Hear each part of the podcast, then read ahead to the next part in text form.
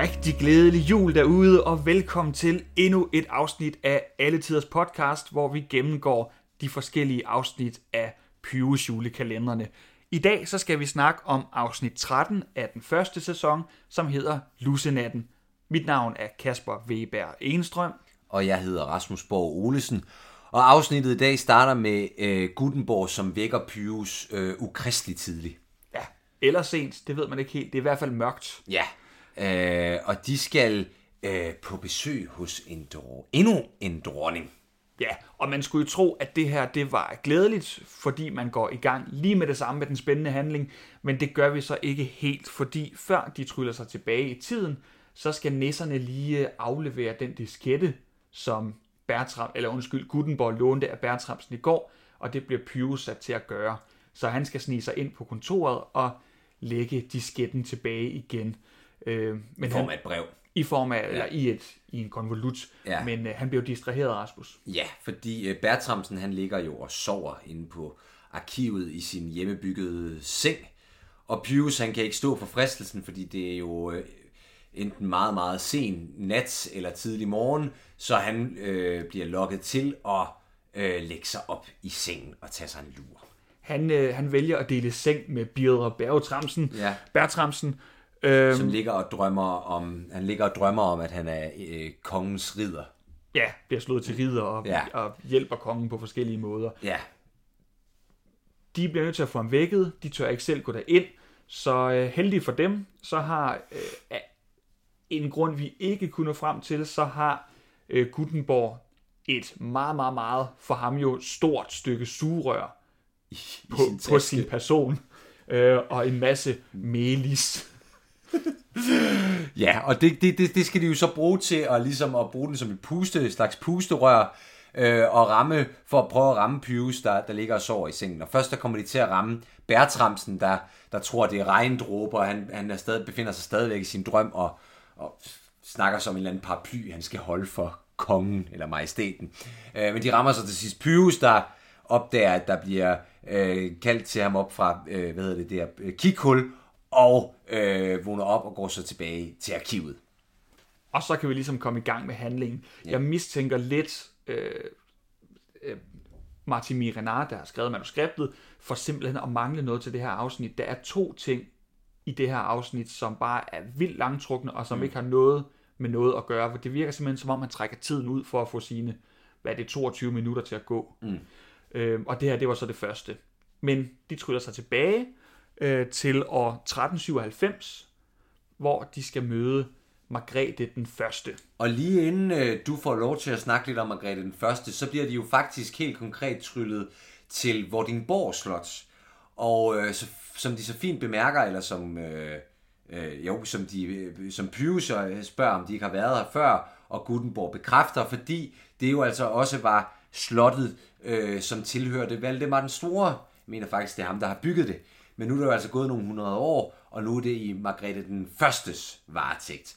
Og Margrethe den Første, Kasper, skal vi lige øh, introducere hende som historisk figur? Det kan vi godt. Jeg vil, jeg vil måske lige først sige, at øh, det er faktisk forkert, at hun bor der. Og det er Okay. også forkert, at Valdemar den Store boede der. Øh, Man boede jo ikke som sådan på et slot eller på en borg. Dengang der rejste de jo rundt. Det er ikke bare sådan, at de boede fast på Amalienborg. Nej, nej, nej, selvfølgelig, Så selvfølgelig. der er ikke nogen, der bor der, men det, det, hun Ja, opholder ja, sig der. De det, opholder sig der, øh, ja, naturligvis. Margrethe den Første, det er jo, hun er jo kendt som en af de største, ikke bare kvindelige skikkelser i dansk historie, men faktisk en af de største overhovedet i dansk historie. Ja. Hun fik oprettet det, der hed Kalmarunionen, hvor det var en øh, dansker, der regerede som konge over hele Norden. Ja. Danmark, Norge, Sverige. Øh, og det var hende, der med, og det er en lang historie, den behøver vi ikke komme ind på, den er ikke, den er ikke noget med det her at gøre, men øh, hun med meget, meget, meget stor politisk tække fik hun øh, oprettet den her Kalmarunion, så hun gjorde sin egen søn til den, der skulle overtage et kæmpe rige. Det blev så ikke hendes egen søn, han døde før han kunne blive konge, så hun adopterede øh, I Erik af Pommern. ham, som blev til Erik af Pommern, som. Ja. så kunne overtage. Og, og i al den tid, der regerede hun selv. Så øh, hun er en kæmpe skikkelse Og i det er jo meget, historie. meget sjovt, når man taler om Margrethe den Første, om en, i, i nutiden taler om, om, om vi skal have nogle, hvad skal man sige, kvote, om vi skal indføre kvoter i forbindelse med kvinder i, i, i ledende stillinger, øh, er det jo meget sjovt at sige, at den mest succesfulde regent, eller hun var jo så ikke regent i, øh, altså juridisk set, de facto var hun regent, at det mest populære, vi har haft, har været en kvinde. Det er jo meget, meget, meget øh, tankevækkende.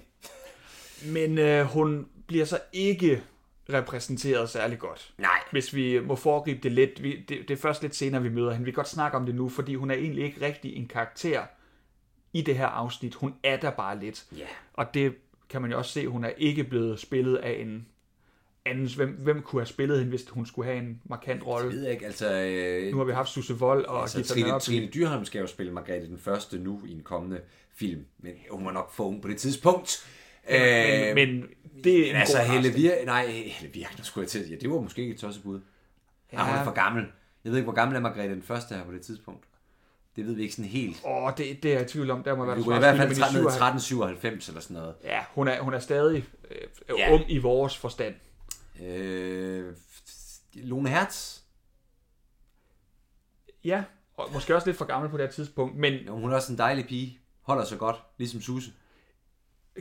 Ganske rigtigt. Det skal i hvert fald være en igen med den her autoritet. Men under alle omstændigheder, det bliver spillet af en kvinde, hvis navn er Helle Cecilie Jørgensen, og jeg har ikke før eller siden stødt på hende øh, i, i, i hverken film og teater, så... Øh, det virker til, at hun slet ikke er skuespiller, hun bare er blevet sat ind i den her rolle. Ja. Hvad der har, sikkert har skaffet hende rigtig mange penge sidenhen, men det kan vi vende tilbage til. Under alle omstændigheder, så møder de øh, en hvad skal man sige, øh, Borgens hofnar i skikkelse af Thomas Mørk. Men jeg vil lige sige, at alt det her med hofnar er jo, øh, øh, hvad hedder det, meget øh, almindeligt på den her tid i middelalderen, at øh, man har en hofnar tilknyttet slottet, øh, som skal lave sjov og spas til, til hvad hedder det, øh, festlige sammenkomster.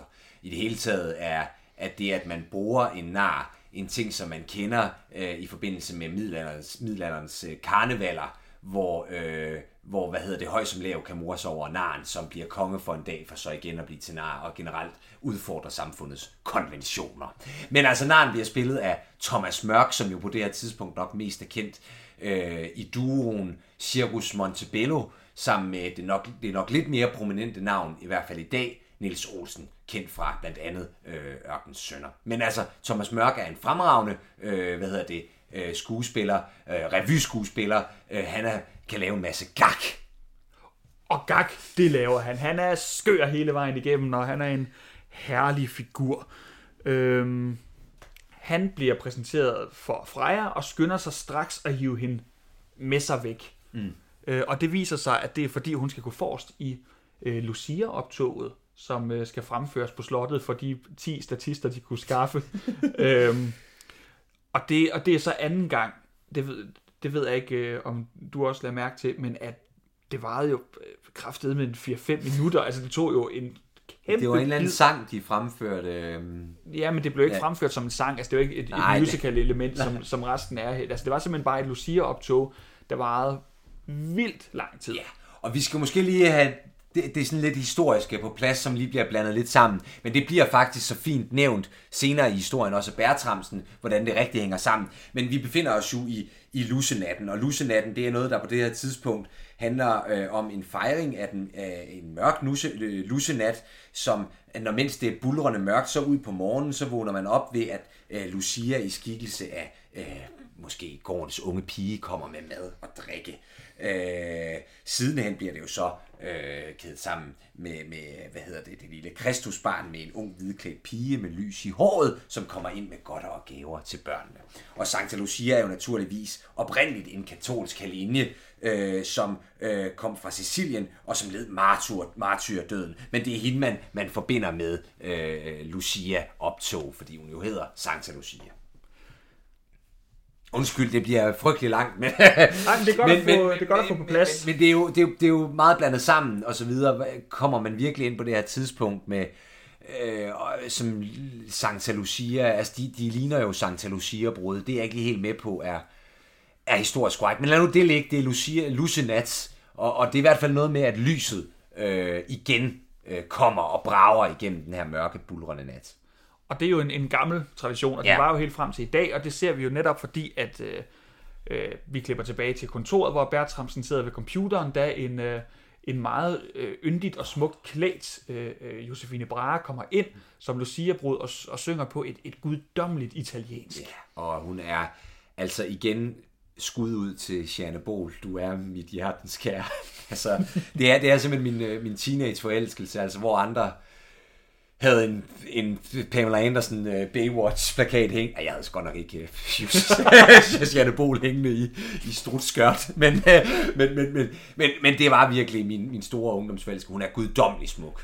Jamen, altså, og øh, i, også bare i den her scene jo netop altså, meget yndefuld og samtidig ja. rigtig sjov og, og med fysisk komik, og hun har et godt samspil med, med Jesper Klein. Altså, hun er vildt talentfuld. Ja, og, og- og, og det, det jo- kan man da ikke lade være med at falde lidt for. Nej, og, og det er jo igen også her, hvor, hvad hedder det, Bertramsen, øh, fordi Lu- Josefine er lidt usikker på, hvordan traditionen, hvor traditionen stammer fra, og hvor Bertram også siger, at det med lys i håret, det kom først langt senere. Jeg tror faktisk, det var noget med, øh, man indførte i Sverige i, i 1900-tallet. Det nævner Bertramsen også noget om. så, 1800-tallet, ja, så det er sådan, det er sådan et, øh, det er sådan et program, hvor det lige sådan, altså, de er med på, at der er nogle historiske fejl, der sådan bliver blandet lidt sammen. Men, men det, de nævner det, så det er jo fint. Om det klæder dem, og det er Ja. faktisk det, de skulle have gjort nogle flere gange, Ja. i stedet for det der med bare at sige, det var Marsk Stig, der slog øh, Erik Klipping ihjel, eller hvad det nu måtte være. Ja. Altså simpelthen bare går, nævner de her historiske usikkerheder. Men, øhm, Og, men lige for, de afslutter også så fint med, at, som jeg også snakkede om lige før,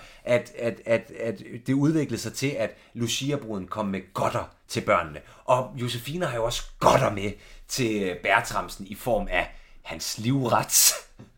Ja, bagværk. Bagværk, ja. Noget fra bageren. Det er juleboller, hun er med. Og det er jo dejligt, fordi manden med det komplicerede stofskifte kan nu spise igen for første gang i et par døgn i hvert fald. Men, Jeg, jeg undrer mig over noget her. Ja. Øh, det er igen for sådan, at vi hakker lidt på det der med, med hvor, hvor meget man ved og ikke ved om jul, og hvordan tryllerierne fungerer. Øh, hvorfor kan de alle sammen huske Lucia? Hvor, Jamen- hvorfor er det, at de kan huske den præcise dato og traditionen, og grunden til, at de rejser tilbage nu, det er jo ikke for at blive overrasket over, nej, over noget, det er simpelthen, fordi de ved præcis, hvad der skal foregå.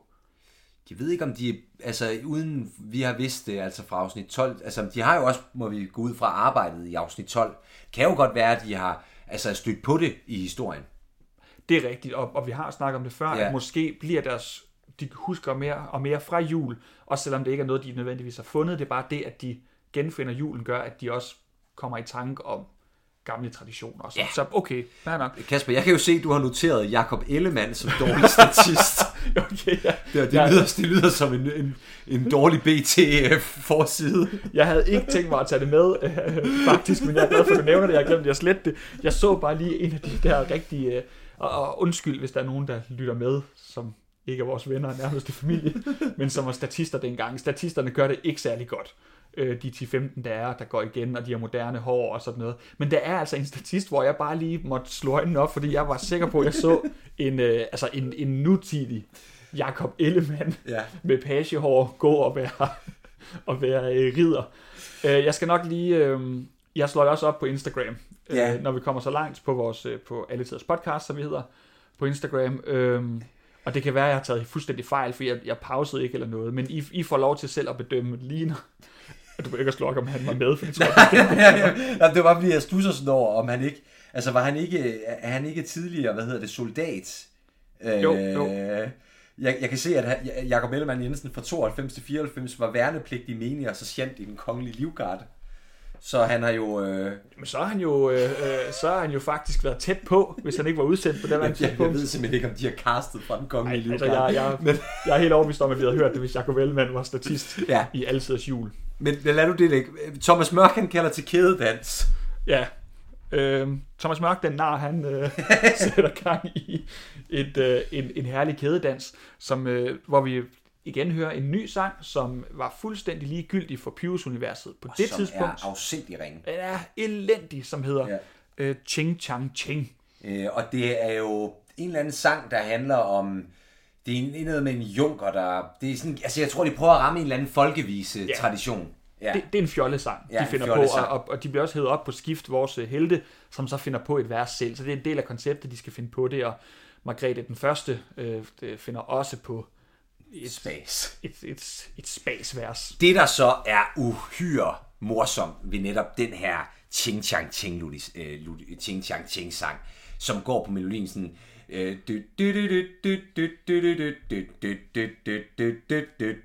ching Chang Ching Luchilai.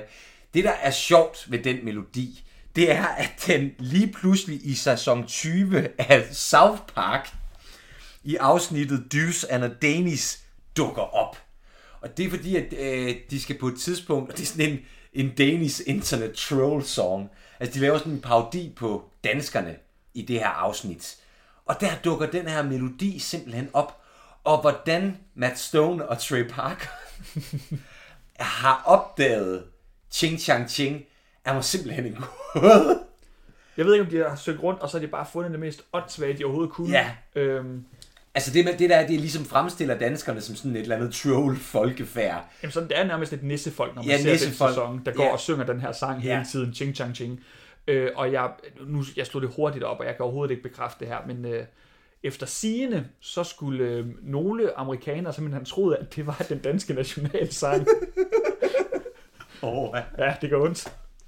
Øhm, Men hvor man alting er, det er jo nok det, altså det, er det fineste, vi har at sige om den her sang. Det er simpelthen, at den har fra 94 og nået op til, til, nu kan jeg ikke lige huske, hvad sæson 20, hvad år vi er i South Park, men, men det er i hvert fald mange år senere, og det er, altså den, den når en af de mest, de sjoveste amerikanske tegneserier. Det er, altså, det er meget, meget jamen det, det, uforklarligt. Og det er derfor, jeg tænker, at øh, hun virkelig har ramt jackpot. Øh, hende, hvad, hvad, hvad hed hun? Øh, hende ikke skuespilleren, som øh, spiller øh, øh, Margrethe den Første. Ja. Fordi hun må jo få vildt mange penge i royalties, hver gang den her sang bliver spillet, og den bliver jo lige pludselig spillet rigtig meget, når det er hver gang nogen ser øh, rigtig mange afsnit af Ja. South Park. Så Igen, altså... der er jo ikke, der er jo ikke dansk, der er ikke dansk lyrik på i, i South Park versionen. Der er de simpelthen bare brugt melodien. Det kan være, det er, det kan være at, at, at, at en af seriens komponister har tjent styrtende på det her. Altså, det, det må man jo gå ud fra med South, en South Park-serie, som bruger det i et helt afsnit. Altså, at Jamen, det ikke, bare, et, helt- ikke bare et helt afsnit, det er jo en hel sæson, Ja, der bliver brugt sæson. igen og igen i hele sæsonen. Ja. Nå, men hvorom alting er, øh, Gutenborg har tabt sin bog i arkivet, nu er vi tilbage i, øh, i, i nutiden, og den dukker simpelthen op på kontoret, fordi øh, Josefine Brahe finder den. Hun, øh, der, jeg ved ikke rigtigt, hun går og læser lidt op af den. Øh, Bertramsen går ud, og så laver øh, Pyrus noget trylleri. Det er sådan, de ser øh, Narn, Thomas Mørk, lave øh, øh, noget trylleri, som er rigtig dårligt, og så vil Pyrus vise, at han er endnu bedre. Så han stiller sig op og siger nogle trylleramser. Nu hvor de ikke har bogen, så må han jo bare sige noget. Og det ender med, at den nar, Thomas Mørk, bliver tryllet øh, frem til 1994, hvor han møder Josefine Brahe. Og hun tror jo først, at det er et bud, der kommer øh, i et eller andet fjollet kostyme. Øh, øh, et bud, som hun har ventet på, øh, som skal hente nogle ting fra øh, arkivet op til biblioteket. Øh, og hun er sikker på, at han er fuld, eller at han er på stoffer. Og igen, så kommer vi ind i det her, som Martin Mirinal langsomt prøver at indprinte for serien, eller langsomt introducerer børn for øh, euforiserende øh, stoffer. Det, og det, øh, det synes jeg øh, ikke klæder serien. Det er en stor, fed løgn, det der, Rasmus, fordi øh, det eneste, han har haft med euforiserende stoffer at gøre, det er, han, det er at Pyrus siger, at du må spise, spise svampegrød, som vi faldt tilfældigt over, så har vi snakket om øh, stoffer og sex lige siden i de efterfølgende 10 afsnit. Jo, men, men nu, vælger hun, nu vender han så tilbage til stoffer, men det er jo med formatene, det er jo, hun, hun bliver jo så redselslagen for, er det sådan, man bliver, når man tager stoffer? Bliver man så en nar som Thomas Mørk? Øh, hvad hedder det? Jeg, jeg, jeg påpeger det bare, at det bliver, det bliver vildere og vildere, det her. Ikke at Thomas Mørk er en nar, vil jeg lige hurtigt... øh, Nej, nej, nej, nej, han er bare narn. Altså, Ja. ja. han er, ja. Men, men, men, men det, bliver, det, det, det, det bliver sgu, øh, altså, det bliver sgu udpenslet på en, på en mystisk måde. Omvendt er det jo også det, der, det er jo dansk, det er dejligt, vi kan lave sjov med, med, med sex, stof, stoffer og alkohol. Sådan er danskerne. Eller man bliver fuldstændig afholdt fra at tage stoffer. Jeg tror også, det er jo også en formalende ting til børn. Du har ikke lyst til at blive som naren Thomas Mørk. Nej, øh, skal vi ikke bare sige, at, øh, hvad hedder det, Pyrus tilbage i, øh, på Vordingborg Slot prøver at, at, at, at, at opremse nogle af de her trylleramser, og det går ikke særlig godt. Øh, men tilfældigvis, øh, øh, hvad hedder det, øh, får han tryllet ham tilbage. Tilfældigvis, hvor Thomas Mørk, øh, naren Thomas Mørk, øh, i nutiden står med tryllebogen, som han har taget fra Josefine Brahe. Så ikke nok med, han tryller Thomas Mørk tilbage. Han tryller Gud hjælp med os ved en fejltagelse Gutenborgs tryllebog tilbage. Og sådan kan vi egentlig runde afs- øh, afrunde afsnittet, som det hedder.